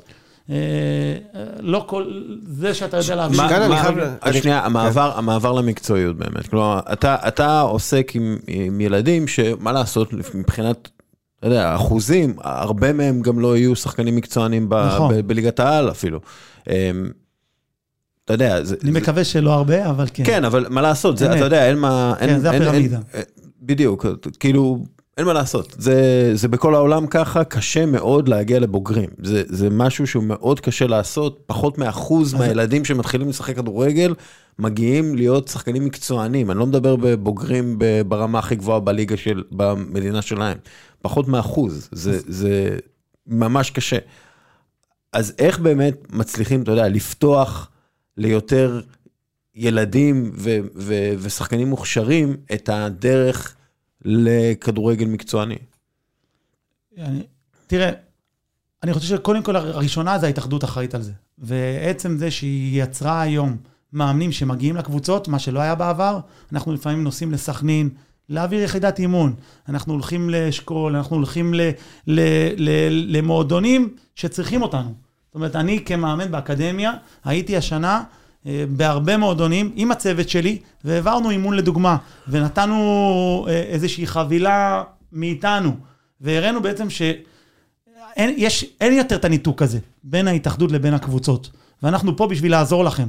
דרך אגב, כל מאמני האקדמיה, בכל יום חמישי, מעבירים את כל האינפורמציה שכל הנעשה במהלך השבוע, מזמינים את מאמני הקבוצות בכל מחלקות הנוער לבוא ולהיות חלק. אני השבוע אצלי היו הפועל תל אביב, היו מכבי פתח תקווה השבוע שעבר, ו- והם חלק מהאינטגרלי מהאימון. Okay. כן. אז קודם כל השקיפות הזאת, הפתיחות, לא עוד שלי זה שלי ושלך זה שלך. זה יהיה להם מאוד אה, ו- ואנחנו, מטפטף. וכל הזמן אנחנו בעד זה, ואנחנו עושים את זה, וברמת הקבוצות, אני חושב שצריכים להעסיק יותר מאמנים שהם מנטורים, ולא מאמנים שהם רק מאמני כדורגל, אנשים שבאו מה, מהדרכה, שהם אה. מתעסקים בחינוך, שהם מבינים... כמו, כמו הבן של יורם מנחם. אמת. כן. שיש להם את הפרויקט של כן, אה, חמש אצבעות. ויורם אצלכם באקדמיה. ויורם אצלנו. כן, כן. ו- ואנחנו מתייחסים ליורם כ... אתם יודעים, כאליטה, ואז גם הילדים מתייחסים אליו ככה. ורק היום בבוקר, אתמול יורם בא אליי, אמר לי, אלי, אנחנו חייבים להמשיך למקסם את היכולות של הילדים. מעכשיו, יום חמישי, שש וחצי בבוקר, עוד יחידה גופנית. כן, ובאמת, טוב, יורם הוא באמת אה, משהו כן, מיוחד. התשוקה אצלו לא כן. נגמרת, כן. וזה הדבר האחרון ושהוא חשוב. אה, להשאיר את האנשים שיש להם תשוקה. הגיל לא חשוב, כן. אבל את האנשים שיש להם תשוקה... אתה יודע, אבל החמאנו מאוד להתאחדות וכו', אני עדיין לא מצליח להבין, יכול להיות שאני לא מעודכן, איך זה שאין אה, השקעה במנהלים המקצועיים. קורס מנהלים מקצועיים. מה קורה עם זה? אני, אני באמת לא, לא, לא ברור לי. איך זה יכול להיות? הרי היה- דיברנו היה על זה ניסיון- שזה... היה ניסיון לעשות משהו עם אה, ג'ורדי בזמנו, אני מה זה זוכר. ג'ורדי? אנחנו מדברים כבר אה, חמש שנים. אה, well, לא, והקורס האחרון לדעתי היה הרבה יותר רחוק מחמש שנים, אם אני זוכר נכון. תראה, כל, כל דבר הוא חשוב. היום יש קורס בהתאחדות שלא היה בעבר, שזה קורס מאמני שוערים. פעם מאמן שוערים היה מתעסק עם שוערים. היום מאמן שוערים, שניר דורי שעובד איתי וחן עבדו שעבדו איתי בעבר, הם חלק אינטגרלי מהאימון לאורך כולו. הם עובדים בילדאפ, הם עובדים מצבים נייחים, הם עובדים על תקשורת בין שחקני הגנה. אז היום ההתאחדות הקימה קורס שהוא לא היה בעבר בישראל, שאם יש לך אנשי צוות על הדשא, שתוכל להשתמש בכולם. ושלא המאמן כושר סיים וילך הצידה, והמאמן שוערים מסיים וילך הצידה, ופתאום על אותם ילדים יש ארבעה מאמנים על הדשא. כן. אז, אז הכדורגל ילך גם לשם, למה שאתה אומר, אבל שלב שלב. דיברנו על אה, נתונים מתקדמים וה green line של מכבי חיפה ו- וקצת על זה, תספר קצת על השימוש שלכם בנתונים מתקדמים ואז אה, אז אנחנו עובדים עם חברת Playermaker, בעצם לילדים יש צ'יפים לאורך כל השבוע על הדשא. צ'יפים מיפים. אה, ובצ'יפים האלה, אה, זה באמת אה, משהו שצריך אה, לראות איזושהי עבודת חקר של שנה-שנתיים, ואז לקבל החלטות. זאת אומרת, יש מועדונים שהחליטו שרק בגיל 15 מתחילים עם צ'יפים. יש מועדונים שמתחילים כבר בגילאים הצעירים. אסור לנו לתת לילדים לחשוב שזה האימון. אה, אני רצתי יותר ממך, אה, אתה לא רצת באימון, או אתה נגעת יותר נגיעות. ולכן, כמו שאתה אומר, להנגיש להם את זה גם בצורה אה, נכונה. אז מה שאנחנו עושים... Playermaker אה, עכשיו יהיו ביחד עם Pixellot. נכון. זה אצלכם גם הולך להיות ביחד? גם לנו יש את Pixellot וגם את Playermaker, וזה הולך להיות מחובר? וזה הולך להיות מחובר, ואנחנו כבר... תן מילה על זה, מה- מה זה- איך זה ייראה בפועל? זה יראה בפועל בזה שבו אה, סיימת משחק לצורך העניין, כל הנתונים אה, שייכנסו לתוך, אה, לתוך אה, אה, מ Playermaker ל Pixellot, אתה תוכל לקבל כבר לבד את, את כל העריכות האלה, הם יחתכו לך קטעים, כבר מערכת לבד. כלומר, אני אראה לך- את הוידאו ואת הסטטיסטיקה ש Playermaker היא שמה לי ספציפית על זה. ואתה תוכל לקבל קליפים אישיים. תשמע, אבל. שנייה. ומבחינת- שה InStat דרך אגב עושה את זה כבר הרבה שנים. אבל InStat בלי אה, Pixellot, בלי וידאו. נכון. ומבחינת הש- ומבחינת השוואה, כלומר זה עוזר, כאילו, כמה- כמה זה עוזר את ההשוואה? אז, אז אני, דרך אגב, כן, אז, אז InStat כן עושים את זה עם וידאו, פשוט אתה צריך לצלם את המשחק ולתת להם. אה, רגע, רגע, InStat אתה מדבר על זה שאתה יכול לעשות benchmark ל- לילד ב- בחו"ל? אתה יכול, אנחנו, ב- ב- שעבדנו עם InStat בנבחרת הנוער, כל משחק שלנו, ואפילו אימון שניר היה רוצה, היינו שולחים את הצילום ל InStat, הם היו מוציאים לנו קליפ אישי לכל שחקן, אוקיי? שזאת אומרת, כל הפעולות, נגיד, של עדן קרצב במשחק, הוא היה מקבל אותן ישירות למייל. ואז כשהיינו יושבים עם עדן, לא היינו באים ואומרים לו, היית צריך לעשות ככה וככה. הוא כבר ראה את הקליפ האישי שלו, והוא כבר לבד ניתח ואומר לנו, פה הייתי צריך לעשות ככה וככה. עכשיו, למה אני רוצה להתעקש רגע דקה בנקודה הזאת? כי מדע זה מדע, אבל כדורגל, כמו נהג, מטו, נהג אה, כמו טייס, לפעמים יש החלטות שצריך לקבל, שהן גם אה, אמוציונליות, והן מהבטן, ואנחנו לא יכולים כל הזמן להגיד לו, פה היית צריך למסור לזה, אהה. ופה היית צריך אה, לחזור לשם, כי לפעמים אנחנו גם צריכים לזכור שבכדורגל יש, זה משחק שיש בו מגע, שיש בו המון פיזיות, שיש בו המון אמוציות, שמהלכים משפיעים אחד על השני. זאת אומרת, משהו שקרה לפני גם משפיע עליך גם להלאה. עכשיו, אנחנו רוצים לתת להם כלים כדי לדעת מה לעשות בסיטואציה כזאת. דוגמה, איך חלוץ מסיים מול השער. אז בהיבט הטכני, אם פעם הוא היה מפציץ, היום אנחנו רואים ש-90, אני הגזמתי, אבל אם אנחנו נלך נגיד למסי, רוב הגולים שלו בקריירה היו עם הפס בתוך הרחבה. אז לא ביקשנו מהם לעשות מספרת ברחבה. ביקשנו פשוט לשפר את ההיבט הטכני שלו בפעולה האחרונה. אז דרך הפליימקר, דרך הוידאו, דרך המעגל הזה, קל לשבת עם השחקן ולהראות לו. שמע, זה למה חיבור, אה, בתוך חזק. הרחבה. כן. ודבר נוסף, זה כלי אדיר למאמנים, כי פתאום יש לך עוד עוזר נכון, מאמן. נכון. עוד עוזר מאמן. אוקיי, שאלה אחרונה, אני כתבתי על ארגנטינה, כעסת עליי. כתבתי על ארגנטינה שהם נהנו גם עם מזל. עכשיו, אני חושב שזה לא יותר מדי פרובוקטיבי, אבל היה להם מזל. אמ, אני חושב שאם... ואתה אתה כעסת עליי, למה כעסת עליי? קודם כל, כי יש לי קעקוע של מרדונה על הרגל, זה הדבר הראשון. באמת? ואומנם אני, אני ישראלי, אבל בלב אני ארגנטינאי. ואני אגיד לך למה כעסתי. שאתה עובד כל כך הרבה שנים בתחום הכדורגל באימון, ו- ומזל הוא לא חלק. אתה לא מאמין בזה. זאת אומרת, אתה מאמין בזה שאתה צריך לעבוד מאוד מאוד מאוד קשה, ואז אולי גם המזל יהיה חלק ממך. יש משפט גרמני, אה, פתגם גרמני שאומר, כאילו בגדול, כן, אה, אני לא צריך מזל, אני עובד קשה. משהו, משהו כזה, אז כאילו אה, זה... כאילו בשבילי מזל תמיד, הת- תמיד התקשר, זה היה דיון ביני לבין חברים, ואתה יודע, שיושבים על קפה, וזה מאמן וזה מאמן, אה, היה לך מזל בשבת, הפנדל שקיבלת בדקה ה-90. נכון, אבל נגד ספרד קיבלנו פנדל בדקה ה-85, שתאי בריבו נכנס לכדור ברחבה, והבלם של מנצ'סטר סיטי מרים יד. אז כשהגעתי לקורס מאמנים והראיתי את הקליפ הזה, התחלתי מזה. ואמרתי להם, מה אתם חושבים? אחד הצביע, מזל. השני אמר, הוא לא הלך נכון עם הגוף. ואז לקחתי אותם אחורה, והראיתי להם שמהדקה הראשונה, טאי בריבו, כבר בדקה הראשונה קיבל צהוב על כניסה בבלם. ובדקה העשירית הוא לוקח לו כדור ראשון בראש. ובדקה העשרים הוא לוקח לו כדור. ולאורך כל המשחק, הוא גרם לבלם להרגיש שאני לא מתעסק איתו. ויכול להיות שזה לא היה מזל, ושזה היה מהלך אינטנס- אינטנסיבי, אינ- אינט- סליחה, כאילו? אינסטינקטיבי, אה, מתוך איזשהו פחד שגרם לזה לעשות. אז בשבילי כמאמן, לאן שאני הגעתי, לא הגעתי בגלל העיניים היפות שלי, ולא בגלל שהיו לי חברים. אה, עבדתי ועברתי דרך, הגעתי ממכבי הרצליה למכבי פתח תקווה, ממכבי פתח תקווה להפועל תל אביב, מהפועל תל אביב לנבחרת ישראל, ומנבחרת ישראל לאקדמיה. עברתי את כל התהליך. מי שרוצה לקרוא לזה מזל, שיקרא לזה, אני יודע כמה עבדתי קשה בשביל זה. קשה לי לחבר את המילה מזל לספורט. זה מתחבר לי ל- למשחק קלפים שמשחקים עם החברים, או לאיזה חישגה ששלחת. אה, אה, טוב, אנחנו. אנחנו. נמשיך, אה, לעסוק בזה. שאלה אישית, שאלה אישית. אתה רוצה לסיים כבר, אה? כן, כן, מסיימים, מסיימים. שאלה אישית. אמרת את הקעקוע של מרדונה. כן. באיזה גיל עשית ו- ולמה דווקא... זה סיפור יפה, אתם רוצים לשמוע אותו? יאללה, כן. אימנתי במכבי פתח תקווה, הייתה לי את העונה אולי הטובה בקריירה, ולמרות אה, שעשיתי עונה טובה, אמרו לי, אלי, אתה שנה הבאה מאמן קבוצה אחרת, לא את הקבוצה הזאת. כאילו מרדונה כבר פרש מזמן. כן, אז, אז פשוט אמרתי להם, תודה רבה, אני עוזב. וזו הייתה החלטה באותו רגע, אני עוזב, הרמתי טלפון לאשתי, אמרתי לה, נוסעים לתאילנד. אה, אמרתי, אני צריך חופש מהכדורגל, כאילו, הרגשתי שקיבלתי מכה. כי זה... זה הייתה אחרי עונה עם הנוער.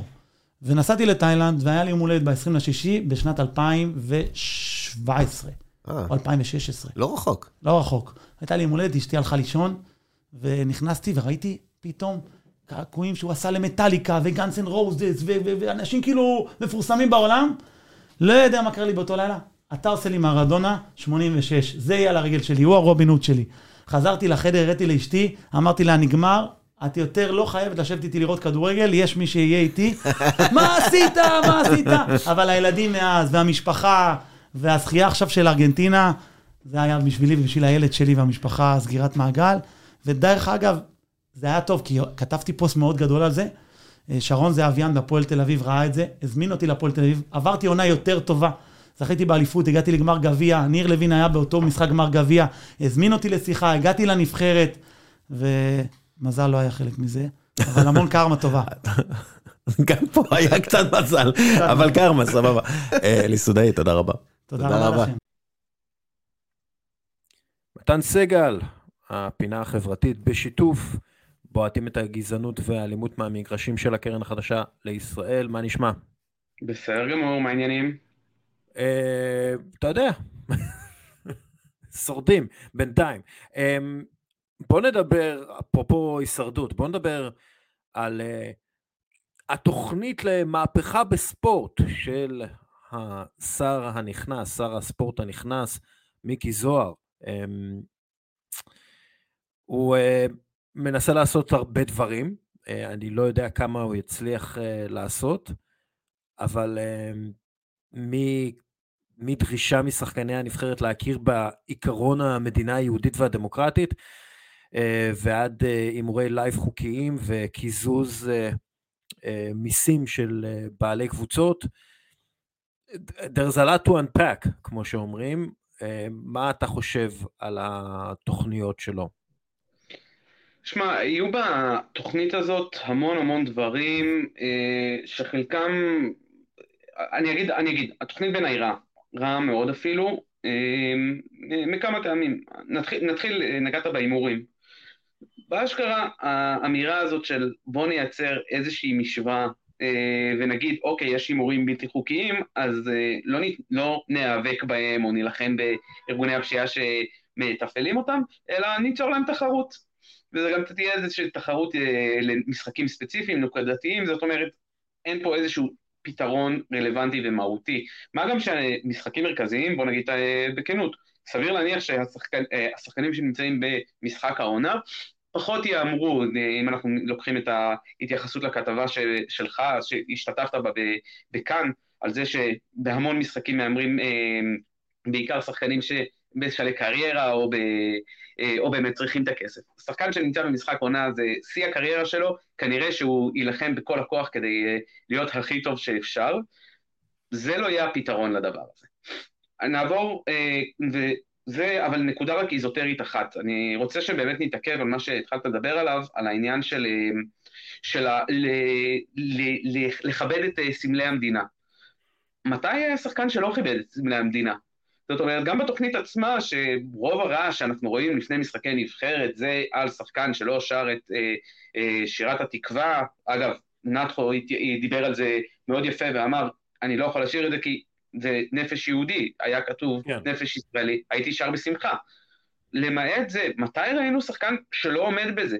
זה לא רק שזה לא, לא משהו שקרה, זה דווקא נותן כוח למי שיחפש דרך להתגרות בשחקנים ערבים, באוהדים ערבים, ולהלהיט את הרוחות על, על רקע גזעני, על רקע פוליטי. אה, וזה בעיה, זו בעיה, אנחנו רואים את זה בכל מיני זוויות בממשלה הנוכחית, ואנחנו רואים את זה עכשיו שזה גם מחלחל אה, לספורט בצורה כזאת על הדרך של בואו אוהדים יקרים, אני מבטיח לכם שלא יהיו יותר עונשי רדיוס, אבל על הדרך גם תזכרו שאם אתם מקללים עכשיו ערבים ומחזירים לכם, אז הערבים לא בסדר כי הם פוגעים בסמלי המדינה ואותם צריכים להעניש. כן. Um... כן, יש אה, הרבה בעיות, וזה, שוב, זה, אתה יודע, נגיד, נגיד שחקן ערבי לא שר את המנון המדינה, ומיקי זוהר אה, מאוד כועס על זה, ודורש את הרחקו מהנבחרת. ואתה יודע מה? הוא משיג את זה, בגלל שההתאחדות לכדורגל הם, אה, הם פופוליסטים גם. זה מגיע לתוך שנייה וחצי לפיפ"א, ופיפ"א זורקת את ישראל מה, מ, מ, מ, מ, מהכדורגל הבינלאומי. כלומר, זה ההתערבות הפוליטית הכי גסה שיש, וזה משהו שאסור לעשות. כלומר, כל, ה, כל השטות הזאת, זה באמת סתמי לחלוטין, זה, זה מיותר לחלוטין. זה, אני, אני מאוד מסכים איתך ואני גם אגיד יותר מזה, זה אה, רואים, שהוא, רואים שמי שהכין את ההצעה הזאת למד את העבודה מול פיפ"א, הם כתבו שחור על גבי לבן, שחקן יוכל לבחור לא לשיר את ההמנון, זה, זה, זה ברור שנעשתה מעט עבודה, עבודת עומק על, ה, על העניין הזה, אבל ההכשרה, ההכשרה של להגיד כל מה שלא מוצא חן בעינינו כ, אמ, כמדינת הלאום של העם היהודי, או כל מה שיפגע בסממני המדינה, שכאילו, איך בוחנים את זה? אם, אם אתה לא מגיע עם ציצית למשחק, כאילו מצפים ש...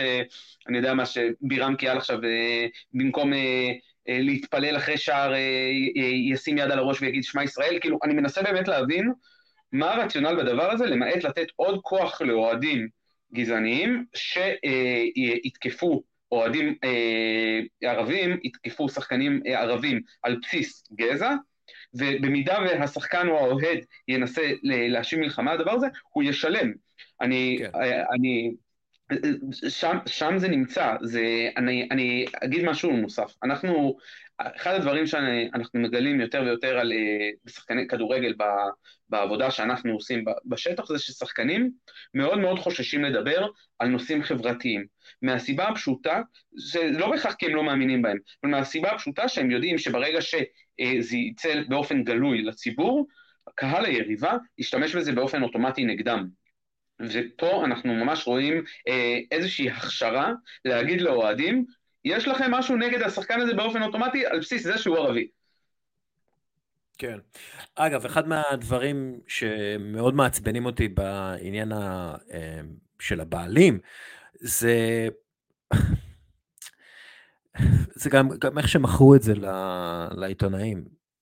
שאחת מהבעיות של הבעלי קבוצות בישראל זה שיש כפיות טובה של האוהדים, והם משקיעים מכספם כמובן, והמיסוי לא עוזר להם. ולפי התוכנית של מיקי זוהר, בעלי המועדונים יוכלו לקזז הפסדים כלכליים מדי שנה תחת תוצאה מוכרת, במקום סיום הקדנציה שלהם במועדון, כפי שנהוג היום. ואז אומרים, שינוי שעשוי להכניס גורמים עמידים במיוחד לעולם הספורט. אז קודם כל, יכול להיות שזה יעזור לאנשים אה, להגיע למועדון, אבל, למועדונים. אבל בוא, בוא נסתכל שנייה על הבעלי קבוצות. הבעלי קבוצות, חלקם הלא מבוטל הם עבריינים, חלקם עברייני מס, יש לומר. אה, ואתה בעצם אומר להם, אוקיי, בואו uh, תנצלו עכשיו את, את הכדורגל כדי להשיג לעצמכם עוד הטבות מס? זה... מה? זה לא היה מצחיק, ממש. כן, כאילו, כאילו, מה? ואגב, אנחנו רואים איך uh, קיזוזים כאלה עובדים בארצות הברית. בארצות הברית, uh, פשוט המיליארדרים משתמשים בזה בספורט, בקבוצות ספורט. אה, ובקיזוזים שהם יכולים להשיג דרך קבוצות הספורט, כדי להשיג לעצמם הטבות מס מטורפות, ויוצא שהבעלים משלם פחות מס מהשחקנים, למרות שהוא, שהוא מיליארדר והשחקנים הם מיליונרים. אז, אז זה בערך מה שיקרה כאן, הבעלים יצליחו להשיג הטבות מס אה, מטורפות, ו, והם משתמשים, קודם כל, כולם, רובם ככולם, אה, משתמשים ב... אה, במגרשים ציבוריים, כן? באצטדיונים ציבוריים, שאנחנו משלמים להם, אה, שאנחנו משלמים עליהם, אנחנו בנינו אותם עם הכסף שלנו, אוקיי? הבעלים של הקבוצות הפרטיות האלה כביכול, משתמשים בדרך כלל במתקנים האלה בתשלום קטן, אני יודע למשל שמכבי תל אביב כדורסל משתמשת, ב, משלמת כלום כסף על השטח המסחרי ביד אליהו, שהוא האולם כדורסל. אני יודע שגם מכבי חיפה יש לה הסכם מאוד טוב אה, כדי להשתמש באצטדיון שנבנה ביותר מחצי מיליון אה, אה, שקל. כלומר, הם כבר מקבלים הטבות מהציבור והטבות מיסים. למה עוד? כלומר, איך, איך כאילו הרגולציה הזאת היא מה שתשפר את מצב הבעלים בקבוצות הכדורגל הישראלי, מצב קטסטרופלי שבו שוב, חלק מהבעלים הם עבריינים אה, או מוכרים למושת... למשטרה אה, כאנשים שעושים עבירות פיננסיות. התשובה היא מאוד ברורה. כן, כן אבל, התשובה היא מאוד ברורה, זה פשוט לייצר, בדיוק כמו שאמרת, זה לייצר מצג שווא באיזושהי, אה, טענה של כן, בוא נמשוך בעלי הון להשקיע בכדורגל הישראלי. עם כל הכבוד, בעל הון שייכנס להפועל חדרה, או לא כדוגמה, אבל כמובן עוד קבוצות נוספות אה, בארץ ובליגת העל, כנראה לא רואה איזשהו אה, אינטרס עסקי חסר תקדים כדי, אה, אה, ורואה את הפוטנציאל הלא ממומש של המועדון כדי אה, כדי באמת להצעיד ולפאר אותו ולייצר הישגים ספורטיביים. יש לנו פה מטרה, ו- וזה חוזר אחריו באמת, כמעט כל סעיף שפורסם, אפשר למצוא בזה את אותה הנקודה אה, של איזושהי אחיזת, אחיזת עיניים של, כן, ברגע שנעשה את זה, יהיה, פה יותר טוב, לעומת המצב הנוכחי וה, וה, והאמיתי. אה, אם התחלת לדבר על, באמת על ההטבות אה, לבעלי המועדונים, בוא נדבר על, ה, על מה שהוא מדבר על המשטרה, הוא אומר את האמירה שכל אוהד, וצריך להגיד גם, צריך לקרות, שלא יהיו שוטרים ביציאה, אבל הוא מדבר על זה גם שקצין השיטור במקום יכול לתת קנס של 45 אלף שקל לאוהד, כאשר חובת ההוכחה אה, במידה אה, והאוהד כן. יערער היא על האוהד ולא על השיטור. זאת אומרת, הפתרונות פה הם איזה שהם... אה, זה, זה באמת מרגיש כמו איזשהו שיטוט, אה, גלילה מהירה מאוד באינטרנט של אה, אה, הערות של אוהדים של מה לעשות, לקחת מהם את הדברים שבלטו יותר, אבל בפועל לא לשנות יותר מדי לפגוע בכדורגל, לפגוע בתחרותיות, לפגוע ב... אה, לפגוע בשחקנים הערבים ובקבוצות הערביות, לפגוע בהמון המון דברים שלא יקדמו בכלום. אתה רואה אפילו שאין התייחסות אחת, אנחנו מדברים על זה פעם אחרי פעם, אין התייחסות אחת על לדבר עם האוהדים, על חוויית האוהד. כן. איפה האמירה שלו, סבבה, אז תקים עוד מתקנים. מה זה עוזר שבונים עכשיו עוד מתקנים אם האוהד יסבול ש... אה, ארבע שעות רק בפקקים בהלוך חזור למגרש, גם אם הוא גר יחסית קרוב. אין פה שום הסתכלות על רווחת האוהד, הכסף הזה אה, שמדובר על הזרמה של עוד אה, 300 מיליון שקל אם אני לא טועה, ובסך הכל להגדיל את התקציב מ-600 מיליון ל-900 מיליון שרק הטוטו ישקיע בזה, אין פה שום כסף שבסופו של דבר יתורגם לרווחת האוהד ולהנאה שלו מה, מהמגרש. כן, אמ, טוב, זה, זה לצערי הבעיה הכי קטנה בממשלה הזאת. אמ, מתן סגל, תודה רבה. תודה רבה לך. עידו מינקובסקי. אתה יודע שאי אפשר uh, לאיית uh, מינקובסקי בלי מין. בלי מין, אתה יודע כמה כינויים זה נתן לי השם הזה. בוא תספר לי על הכינויים שלך. מינטובסקי, מינטובסקי, זה היה לאמא שלי, Mm. בושות. נורא. שהיא עושה מינטובסקי, גם ג'ינג'י וגם ככה. וגם מינקוקסי, בוא נדבר על... ומקפוץ לי. זה לא רע. זה אוי, דווקא. זה היה נורא. וזה המשיך עד הצבא, מינקוקסי זה אילן דוידי הרצ"פ, הייתי סרן שהוא המציא את זה, אתה יודע, כבר לא ילד. זה לא איזה רע. בושות. זה לא רע, זה לא רע. מה, זה לא הכי גרוע ששנות המרצ"פ של דובר צה"ל, זה בטוח. You've seen worse. מה קורה דסקל? מה קורה? איך אתה יכול להעכיר את אה, שלוותם של אה, תושבי ישראל דיסנית? בוא, בוא תגיד לנו.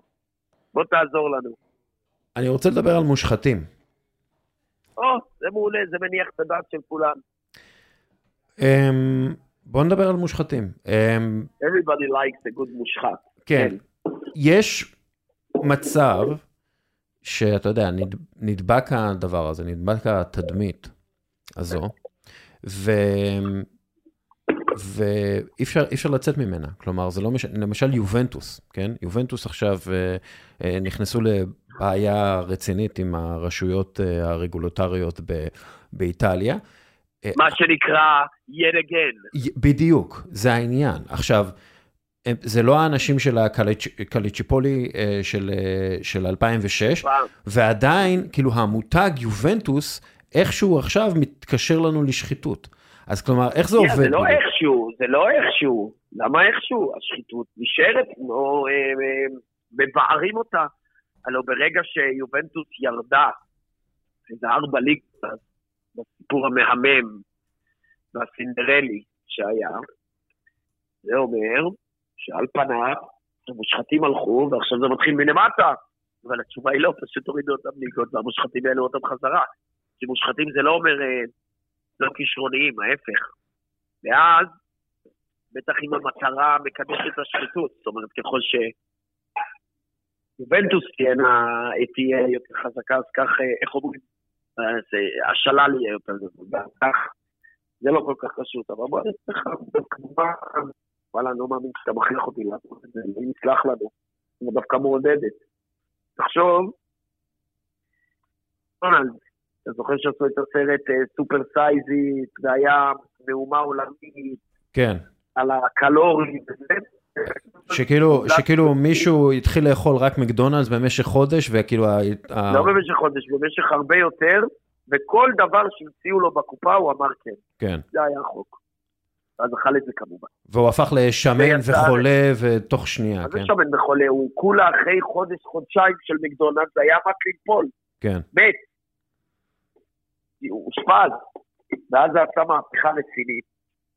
אגב, שהיא הייתה גם כנה, כמו הסיגריות, יום אחד מבינים שלמרות שהיה עד עכשיו זה לא הכי נורמלי בעולם, יודע. ועשו מהפכה, והיום מקדונלדס, זה לא בציבור, זה עדיין fast food, אבל א' זה ה fast food הכי פחות, אה, איך אומרים, אה, שמפחיד אנשים לאכול. אני אומר לך את זה כ... אה, איך אומרים, אה, תג חרא מלא רגשי נחיתות של שומן כמוני. ודבר שני, כל התזונאים ממליצים על אה, מקדונלדס, כבר שנים. באמת, הם עשו מהפכה אמיתית. אז תדמית של שחיתות יכולה ל... ל אה, you know, אה, להשתנות, אתה יודע איך? בוא אני אתן לך את נוסחת הכסף, שאתה לא מאמין דווקא. יום אחד הזמינו אותי לפתור משבר לא פחות אותי. אה, שעד היום זה נראה לי מוזר שאנשים יושבים בארץ מתקשרים אליי. מטופל כמוני, לא מטפל. וזה היה על רקע הטרדות מיניות שטויחו בין החברה. דווקא חברה שלא היית מצפה שזה יהיה הפרסום עליה. הייתי אומר, חברה מאוד באבל גאמית, הייטקית חמודה. וביקשו ממני אה, לעשות מצגת אסטרטגית הדבר הזה כבר תקשורתי, לעשות מצגת אסטרטגית, לא פחות. כן. אה, להנהלה של החברה, שמדובר בכמה עשרות אנשים, על אה, איך, לי- איך להתמודד עם משברים כאלה. תשמע, אתה לא תאמין, זה נשמע כמו סיפור עידו מינקובסקי, כמו כל שאר הסיפורי עידו מינקובסקי גם, והמציאות עולה על כל דמיון, מה שנקרא, אני יכול לשקר רק למטה, לא למעלה. אחד שאומר, אל תטרידו מינית, תודה על ההקשבה. זהו. זה הפתרון להחלפת המינית. אם לא יהיו מושחתים, לא יהיה תבנית של שחיתות, אתה לא מאמין, נתקל. אתה פשוט לא מאמין, אתה פשוט לא מאמין איזה קל זה, אתה לא מאמין. Don't cheat. ואז nobody will... מכיוון שנפש האדם, בכלל, אה, אה, יצר האדם הוא רע מעורב, כמו שאומר ארי פרמן, החטא הוא מתעפף על השפה מהחלב, אז אנחנו צריכים לשמור על עצמנו, לשמור על עצמנו. אז כן, צריך הרבה רגולציות כדי שיעזרו לנו לא להיות מושחתים. דווקא, אם אתה יכול, היית, יכולת לעשות ברשות ובסמכות, ואף בעידוד, כל מה שאתה רוצה, בכל נושא שאתה רוצה, אני מציע לך להקשיב לעידו, אתה היית עושה כל מה שאתה רוצה בכל תחום שאתה רוצה. שום דבר לא היה עוצר. אה, לא מוסר ולא בטיח, כי מוסר הוא מאוד סובייקטיבי. אגב, אני לא כועס על זה. בסדר, מוסר הוא סובייקטיבי, אתה יודע. פעם היית מדליק אה, אופיום לשוטר אמריקאי, הוא היה עוזר לך עם האש, ואם היית שותה וויסקי, הוא היה מכניס לך לכלא לעשר שנים. מוסר זה דבר סובייקטיבי, אנושי, אד הוקי. having said that, אה, פשוט אל תהיו מושחתים. אל, אה, don't throw your hand in the cookie jar.